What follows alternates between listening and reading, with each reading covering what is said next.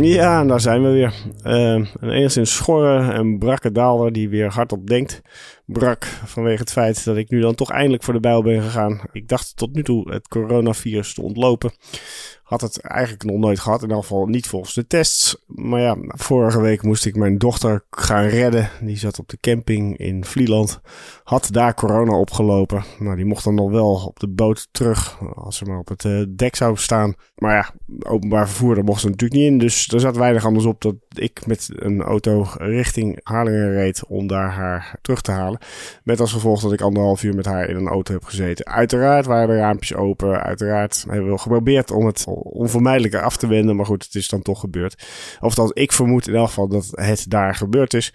Ik heb nu corona. Ik heb er niet heel veel last van, moet ik zeggen. Het is gewoon een verkoudheid voor mij in dit geval. Natuurlijk wat afwachten hoe het verder gaat. Maar ik zou niet zeggen dat dit veel afwijkt van wat ik in het verleden wel vaker heb gehad. En in het verleden, als ik dit had, ging ik doodgewoon naar mijn werk.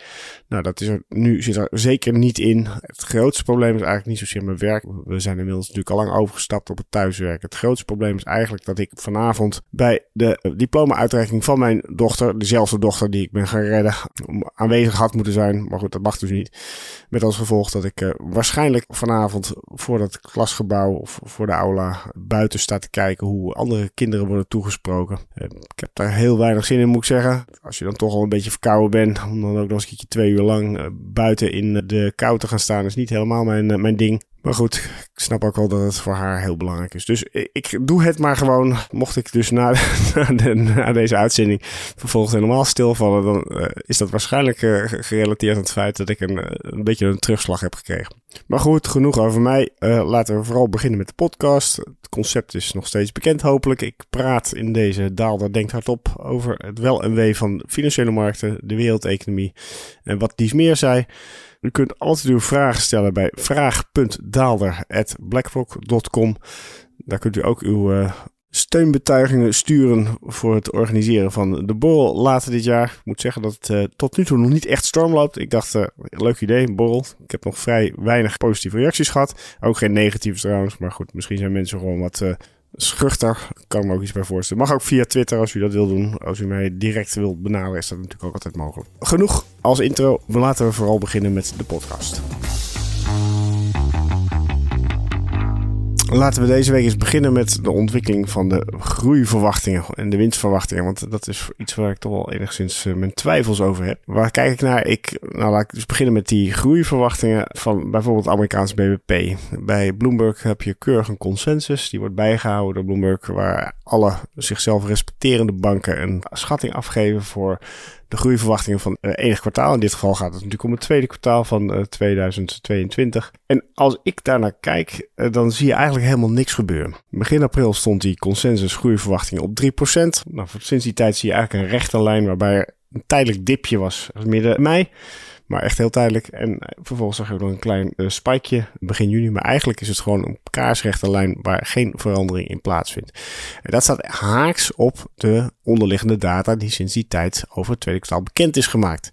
En daar hoeft u mijn woord niet voor te geloven. Dat is iets wat makkelijk te herleiden is als je kijkt naar een indicator die de Atlanta GDP Now indicator heet. Die indicator die is enige jaren geleden ontwikkeld. En wat die eigenlijk doet is puur kijkend naar de data, de weekdata, de maanddata die gepubliceerd wordt over een kwartaal.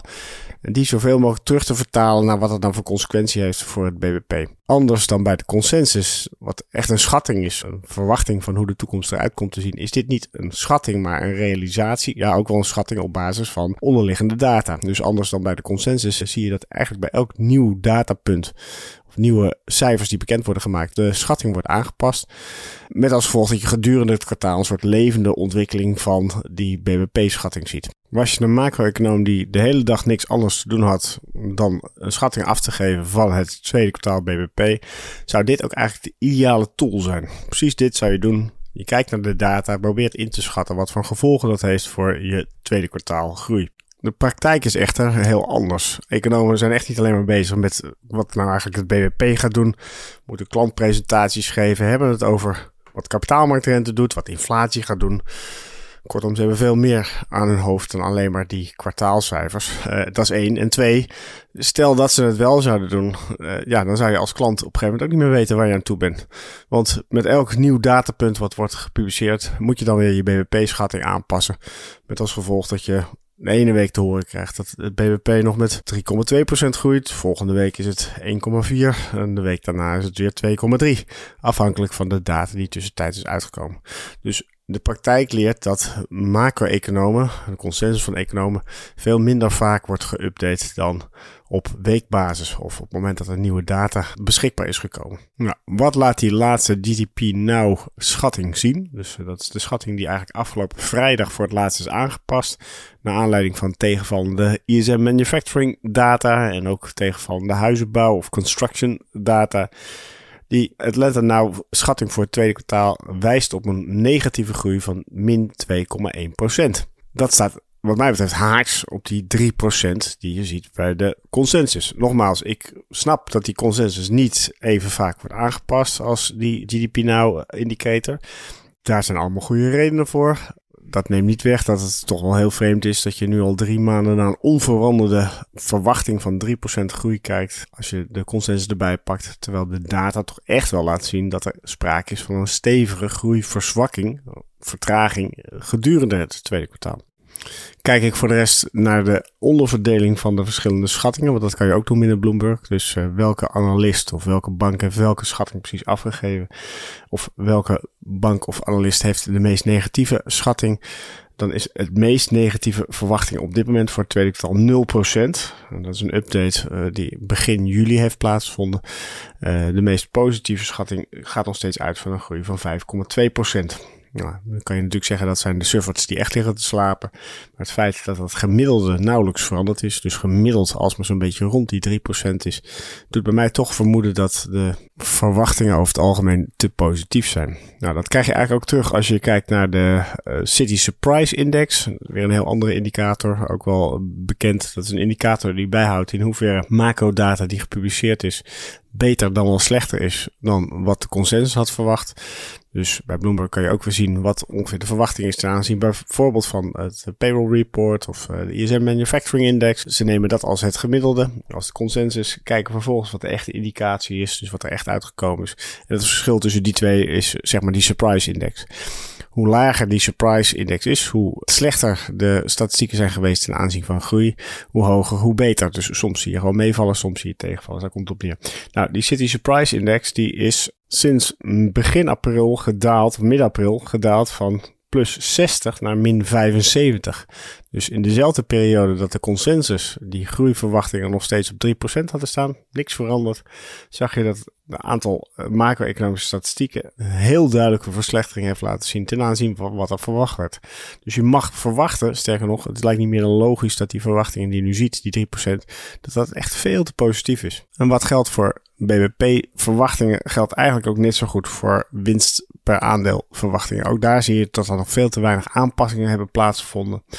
En als je bijvoorbeeld als een soort van leading indicator kijkt naar wat de CEO confidence is, een poll die gehouden wordt onder de CEO's van allerlei toonaangevende bedrijven, die is de afgelopen maanden ook echt extreem hard naar beneden gekomen. Zwaar onder de 50 gedoken. 50 is het neutrale niveau. En over het algemeen kan je zien, historisch, dat die CEO-indicator uh, redelijk goede leading indicator is voor wat er met de winstverwachtingen moet gaan gebeuren. Nou, die winstverwachtingen die zijn eigenlijk tot nu toe nog steeds vrij positief. Er worden eigenlijk nog steeds, nou niet meer opwaarts bijgezien, maar er is nog steeds sprake van een groei ten opzichte van het jaar hiervoor. Nou, de kans dat dat kan standhouden wordt met de dag kleiner. En ik denk dat daar ook echt wel een heel groot risico ligt. We zijn met onze verwachtingen toch eigenlijk stil blijven staan. We hebben ons onvoldoende, of althans we, uh, economen, analisten, mensen die inderdaad kijken naar uh, de, de groeischattingen. Ik krijg een beetje het gevoel dat we de afgelopen maanden te veel energie en tijd gestoken hebben in inflatiecijfers. En daardoor de andere indicatoren, namelijk BBP-groei, winstcijfers, dat we die toch wat meer hebben laten versloffen. Met als gevolg dat onze verwachtingen niet zijn bijgesteld, niet zijn aangepast ten opzichte van de wereld die wel een andere kant op gegaan is. Nou, daar ligt echt een heel duidelijk risico, met name voor risky assets naar de toekomst toe. Dus dat blijft wel eentje waarvan ik denk van nou, de zomer, we moeten eerst maar zien wat dat allemaal gaat brengen.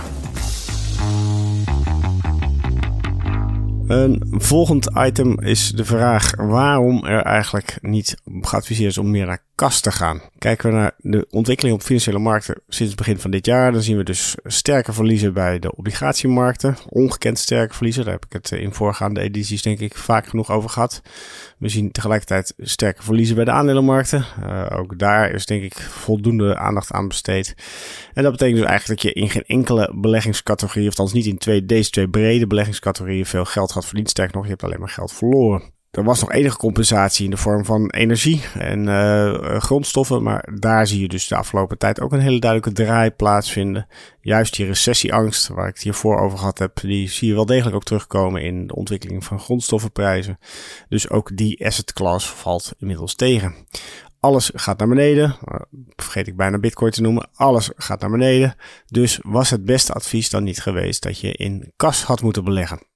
Zeker. Achteraf gezien was dat absoluut het beste advies geweest. Dus waarom zie je dan met overgewaardeerde obligaties en overgewaardeerde aandelen zo zelden het advies langskomen dat je meer op kas moet gaan zitten? Nou, ik denk dat daar echt boeken over volgeschreven kunnen worden. Het is ook een interne discussie die hier nog steeds wel woedt moet je nou wel of niet kas zien als een beleggingscategorie. Want over het algemeen is kas eigenlijk de benchmark die je probeert te verslaan door te beleggen. Nou, als je geen belegging hebt en alles op de bank hebt staan, dan is dat eigenlijk gewoon je spaargeld. En het hele doel van beleggen is juist een beter rendement te halen dan dat sparen. Om die reden zie je dan ook dat bij BlackRock, bij de Capital Market Assumptions, kas niet als losstaande beleggingscategorie wordt opgenomen. De achterliggende gedachte is dat het moeilijk denkbaar is dat er een periode van 5, 10 of misschien wel 15 jaar is, waarbij een belegging in aandelen of obligaties het slechter gaat doen dan kas. Kijken we bijvoorbeeld naar de huidige situatie, dan zien we dat de Duitse kapitaalmarktrente ergens op de 1,3% staat. Nou, kas is nog steeds 0, of misschien zelfs nog iets minder. Dus je moet wel een heel vreemd scenario krijgen. Wil je op die kasbasis uiteindelijk een beter rendement gaan maken dan obligaties? Bij aandelen geldt natuurlijk meer onzekerheid. Het hangt allemaal af van hoe de winst ontwikkelt, hoe de wereldeconomie zich verder ontwikkelt. Maar ook hier lijkt het niet heel erg onlogisch om ervan uit te gaan dat de economie blijft groeien. En dat er misschien hier en daar een recessie dagen later per saldo over een jaar of vijf meer winst wordt gemaakt dan we op dit moment zien. Nou, als dat je veronderstelling is, dan is het ook logisch dat je ook bij aandelen een beter rendement zal gaan krijgen dan als je het geld wegzet op kasbasis. Dus op de lange termijn lijkt er eigenlijk niet echt een logische reden te zijn om binnen je asset allocatie echt structureel rekening te houden met een gewicht naar kas. Het is eigenlijk een beetje dood geld had je net zo goed niet kunnen beleggen. Tactisch daarentegen kan er wel degelijk ruimte zijn voor een allocatie naar kas. Bijvoorbeeld omdat je denkt dat de aandelenmarkten nog te optimistisch zijn. Of eh, omdat je denkt dat de waardering van obligaties nog veel te duur is, relatief ten opzichte van de inflatie. Kan je best tot de conclusie komen dat kas tijdelijk uh, ja, een goede veilige haven is. Uh, bovendien kan het ook een soort van basis zijn waarvan je zegt van nou, we verwachten lagere dieptepunten. Er komt nog een verdere correctie. Zet je geld even apart en stap later op een laag niveau in. Helemaal prima. Niks mis mee, behalve dan dat je wel echt heel erg goed moet zitten met je timing. Neem bijvoorbeeld het argument van de overgewaardeerde obligaties. Een argument wat ik zelf vaak eh, genoeg naar voren heb gebracht de afgelopen vijf jaar. Als je dat als argument had gebruikt, dan had je dus vijf jaar lang op kas gezeten. Dan had je vier jaar lang totaal scheef gezeten. De eerste vier jaar van die vijf jaar waren gegarandeerd tegen je ingegaan. Dus het argument kan kloppen. Obligaties zijn te duur. Die gaan op een gegeven moment een stevige correctie laten zien. Maar de timing is echt wel heel erg essentieel, wil je dit goed hebben. Dat is één. Twee, je moet niet denken dat kas altijd een gratis optie is. Ik neem het voorbeeld van Europa. Wanneer was de obligatiemarktrente het laagst? Nou, die stond toen op een gegeven moment op min 50 basispunten, min een half procent. Dan moet je niet denken dat je op dat moment op kas op grote schaal, zeker niet als je een institutionele belegger bent, dat je dan diezelfde 0% kan halen. Dat kas gratis is. Op dat moment dat je zag dat die obligatiemarkten sterk onder druk stonden en die kapitaalmarktrentes naar ongekende lage niveaus gingen, zag je dat de korte rentes nog veel lager stonden. Dus per saldo was het helemaal geen gratis optie. Nou is het natuurlijk wel zo dat bij een correctie van de kapitaalmarktrente dat de waarde van je obligaties veel harder onder druk komt dan als je je geld op de bank gaat staan. Maar wederom, als je slechts min rente krijgt of 0,6% rendement krijgt op een deel van je portefeuille, ja, dan moet je met je timing wel heel goed zitten. Wil je er beter uitschieten dan breed belegd blijven in de markt. Nogmaals, achteraf gezien had je helemaal gelijk aan jezelf, uh, aan je zijde. Dus je had helemaal gelijk als jij een half jaar geleden al je geld op kas had gezet. Kans dat je dat in de toekomst nog een keertje goed weet te timen, die is denk ik toch een stuk kleiner dan je zou denken. En daar komen de buren weer. Resteert nog de rubriek waar we het, wat mij betreft, met z'n allen te weinig over hebben. Of iets van die geest. Waarbij ik Leentje Buur doe met de column die ik vorige week in het Financieel Dagblad heb geschreven. Waar we het met, wat mij betreft met z'n allen te weinig over hebben, is eh, de ontwikkeling in de valutamarkten. Nou, dan kun je zeggen dat is onzin. Er wordt toch meer dan voldoende geschreven over valutamarkten. En dat klopt. Eh, je leest wel artikelen over de dollar die omhoog gaat en yen die naar beneden gaat. Maar ik mis toch altijd een beetje de diepgang. Wat voor consequenties kan het nou hebben voor beleggers? Eén voorbeeld gaf ik vorige week al. Wat gebeurt er op het moment dat je ziet dat de dollar heel sterk in waarde stijgt? Nou, dat betekent dat de mensen, beleggers die in Amerikaanse aandelen beleggen en dat niet afgedikt hebben, dus het uh, valutarisico hebben openstaan, dat die per saldo uh, iets van compensatie hebben gekregen, want de dollar is een heel stuk duurder geworden. Je kan het ook anders zeggen, hun eigen munt is een heel stuk goedkoper geworden, met als uh, directe consequentie dat de aandelen, de waarde teruggerekend naar hun eigen eigen valuta, dus in dit geval de euro, de waarde van de Amerikaanse aandelen om die reden alleen al eh, meer waard is geworden. Nou is dat geen volledige compensatie geweest voor de koersdalingen in aandelenmarkten. Maar er zijn natuurlijk altijd uitzonderingen op die regel te bedenken. Denk bijvoorbeeld aan de Turkse lieren die meer gezakt is dan Amerikaanse aandelen zijn gezakt. Of denk bijvoorbeeld aan Bitcoin en dat was eigenlijk een beetje de, de grap die ik vorige week maakte. Hier kan je echter ook verder over nadenken. Er zijn best wel veel beleggers die hun wisselkoersrisico wel afdichten. Afdekken, sorry, ik zeg alsmaar dichten, dat moet ik niet doen. Afdekken. Denk aan institutionele beleggers bijvoorbeeld. Die kunnen besluiten om een deel van het wisselkoersrisico hebben, eh, dat ze hebben standaard af te dekken. Nou, die hebben wat dat betreft niet die wind in de rug. Sterker nog, die zitten op dit moment met een probleem. Namelijk het afdekken van die wisselkoersrisico wordt steeds duurder. Wat bepaalt namelijk de kosten van dat afdekken? Nou, dat is heel simpel. Het renteverschil tussen Amerika en in dit geval Europa. Even ervan uitgaande dat we het over een Nederlands pensioenfonds hebben. Nou, we hebben gezien dat de, de Amerikaanse centrale bank de rente al wel een aantal keren heeft verhoogd. Dat de markt bovendien ook nog meer is gaan inprijzen. Europa loopt daar keurig achteraan. En dat betekent dus eigenlijk dat het verschil van, laten we zeggen, de eenjaarsrente tussen Amerika en Europa de afgelopen tijd behoorlijk is opgelopen. Nou, dat renteverschil is een goede indicatie van de kosten die je moet maken. En dat betekent dus eigenlijk dat het steeds duurder is geworden om dat wisselkoersrisico van Amerikaanse aandelen af te dekken. Zit je op de moeilijke vraag als pensioenfonds, moet ik daarom mijn afdekkingsbeleid aanpassen? Moet ik dus inderdaad een minder groot gedeelte gaan eh, afdekken? Dat zou kunnen. Je doet het alleen wel precies op het moment dat de Amerikaanse dollar op het hoogste niveau staat van de afgelopen 20 jaar. Dus hoe groot is de kans dat de dollar de komende tijd nog verder in waarde stijgt? En sterker nog, is momenteel niet de kans veel groter dat die dollar weer eens een keertje een rebound de andere kant op gaat maken. Maar goed, waar het mij dus om gaat, is dat dit eigenlijk een onderwerp is wat ik nog veel te weinig langs voorkomen. De afweging Dek ik af, dek ik niet af? Wat zijn nou eigenlijk de kosten van het afdekken? Moet je daar iets aan gaan doen op het moment dat je ziet dat die kosten heel sterk zijn opgelopen of niet? Zie je het als uh, huiswerk voor de volgende week? Of uh, zie je het als een uh, opdracht? schrijf uw eigen meningen naar vraag.daalder.blackrock.com. Of als u een andere vraag heeft, kunt u dat natuurlijk ook daar naartoe sturen. Uh, en met dat kom ik dan toch nog aan het einde van deze wat moeizame editie van de Daalder Denkt Hardop. De corona-editie van de Daalder Denkt Hardop. Ik hoop dat het volgende week weer beter met me gaat. En eh, we treffen elkaar volgende week hopelijk nog, uh, misschien ook niet. Uh, want volgende week zijn natuurlijk ook al de schoolvakanties begonnen. Mocht u op vakantie gaan, heel veel plezier alvast. En dan spreek ik u later. Overigens, ook tijdens de vakantie gaat de podcast door. Spread the word.